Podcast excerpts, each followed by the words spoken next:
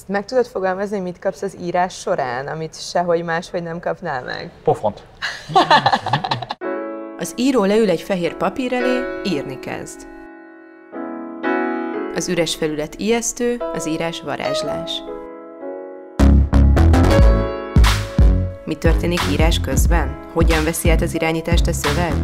Írókat hívtunk meg egy csésze kávéra, hogy a kávészünetben meséljenek a titokról, amit az írás jelent. A hát, szöveg? Megpofozni? Nem, nem, én saját magam. Tehát, hogy ugye sosem mész biztosra, nem tudod, hogy mi lesz.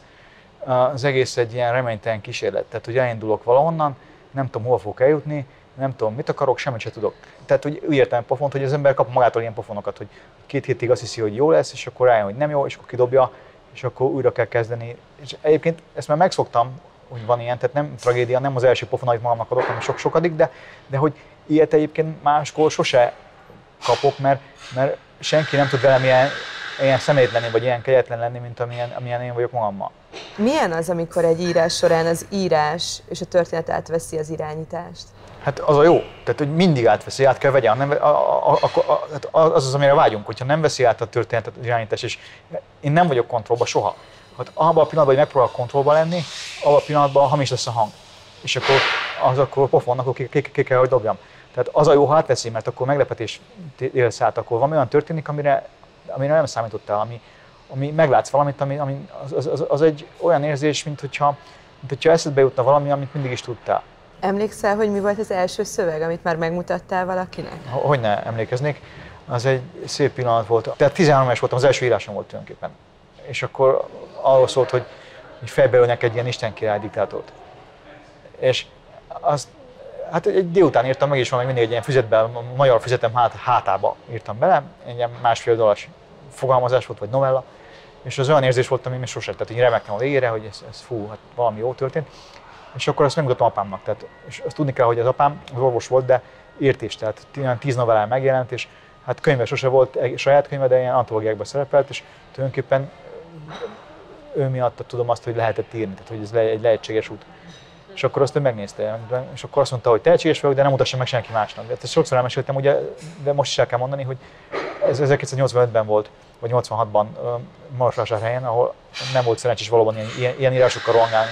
Hogy érzed meg, hogy vége van, és összeállt, és lerakod az utolsó pontot? Az tényleg olyan, hogy, hogy nem fél bele több csavar, tehát hogy, hogy se kivenni, se beletenni nem lehet, és ezt, ezt nagyon pontosan lehet látni. Most nem, nem, az ut- utóbbi időben két kötet novellám jelent meg, és annak az, az, az különlegessége, hogy olyan novellák voltak benne, amiket 15 éve alatt írtam. Tehát, hogy rengeteg olyan szöveg került elő, amit, amit tényleg, nem tudom, 10 éve nem láttam, vagy 10 éve nem foglalkoztam vele. És mégis tőlem függött, ha akartam volna, átírhattam volna őket, vagy javíthattam volna rajtuk, és nem éreztem azt, hogy tudnék, mert már kiküzdötték magukat a maguk idejében. Tehát a, tíz évvel ezelőtt elvégeztem a munkát, amit, amit el kellett, és most már nem tudtam rajta, rajta változtatni.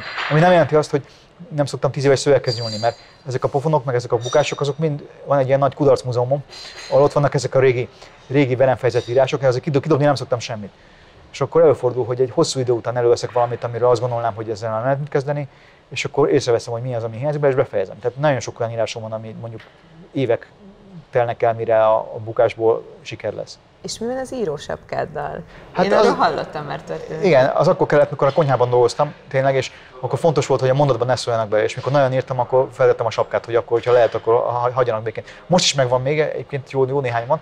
Most is fel szoktam tenni, de inkább azért, hogy ilyen flow állapotba kerüljek tőle. Tehát az, az egy ilyen, akkor már tényleg minden, akkor az egy kemény helyzet, tehát hogy már feltettem a sapkát, akkor nincs mese. Ha elképzeled az életedet írás nélkül, akkor mit veszítesz? Hát mindent, ez egy másik ember. Tehát én nem tudom elképzelni, vagy nem tudom képzelni, persze, mert egy író mindent el tud képzelni, de akkor az nem én vagyok. Tehát hogy ne, lehetnék más, de, de, de amúgy én mindig írok. Tehát a, néha elképzelem az írás, életem írás nélkül, akkor az a pihenés. Tehát akkor azt képzelem, hogy pihenek, de azt sem szokott sikerülni, mert amikor általában, ha, ha igazán módon van pihenés, valami nyugodt helyen vagyok, nem tudom, tengerparton, akkor, akkor ott is szoktam írni. De amúgy a, tényleg én 13 es korom óta erre készültem, hogy író legyek. 13 es korom óta író vagyok tulajdonképpen. Úgyhogy nekem nem nagyon képzelhető el más élet, akkor ez egy másik ember, és akkor egy más, más, más, más, más csinálni. Mi a legfontosabb üzenet, amit az írástól kaptál, amit mondjuk átadnál fiatalabb kollégáknak, aki most kezd írni, vagy az írással barátkozni, ismerkedni? Hát igazából nincs üzenet vagy tanulság, ott kell ülni és reménykedni abban, hogy jönni fog a mondat olyan, mint a, az olyan, mint a imádkozás, vagy a horgászás, vagy nem tudom, vagy a, a, legszebb mégiscsak az, hogy, hogy lehetséges, tehát hogy a semmiből lesz valami. Akármennyire reménytelenek is tűnik, akármennyire sötétnek is tűnik, akármennyire sokszor nem sikerül, akármennyiben szembeülsz a feje fala és, és nem történik semmi, egyszer csak mégis történik valami, és akkor tényleg a semmiből lett valami, és, és ez lehetséges, és ez egy olyan nagy dolog, ami, ami, aminek mindig tudok örülni.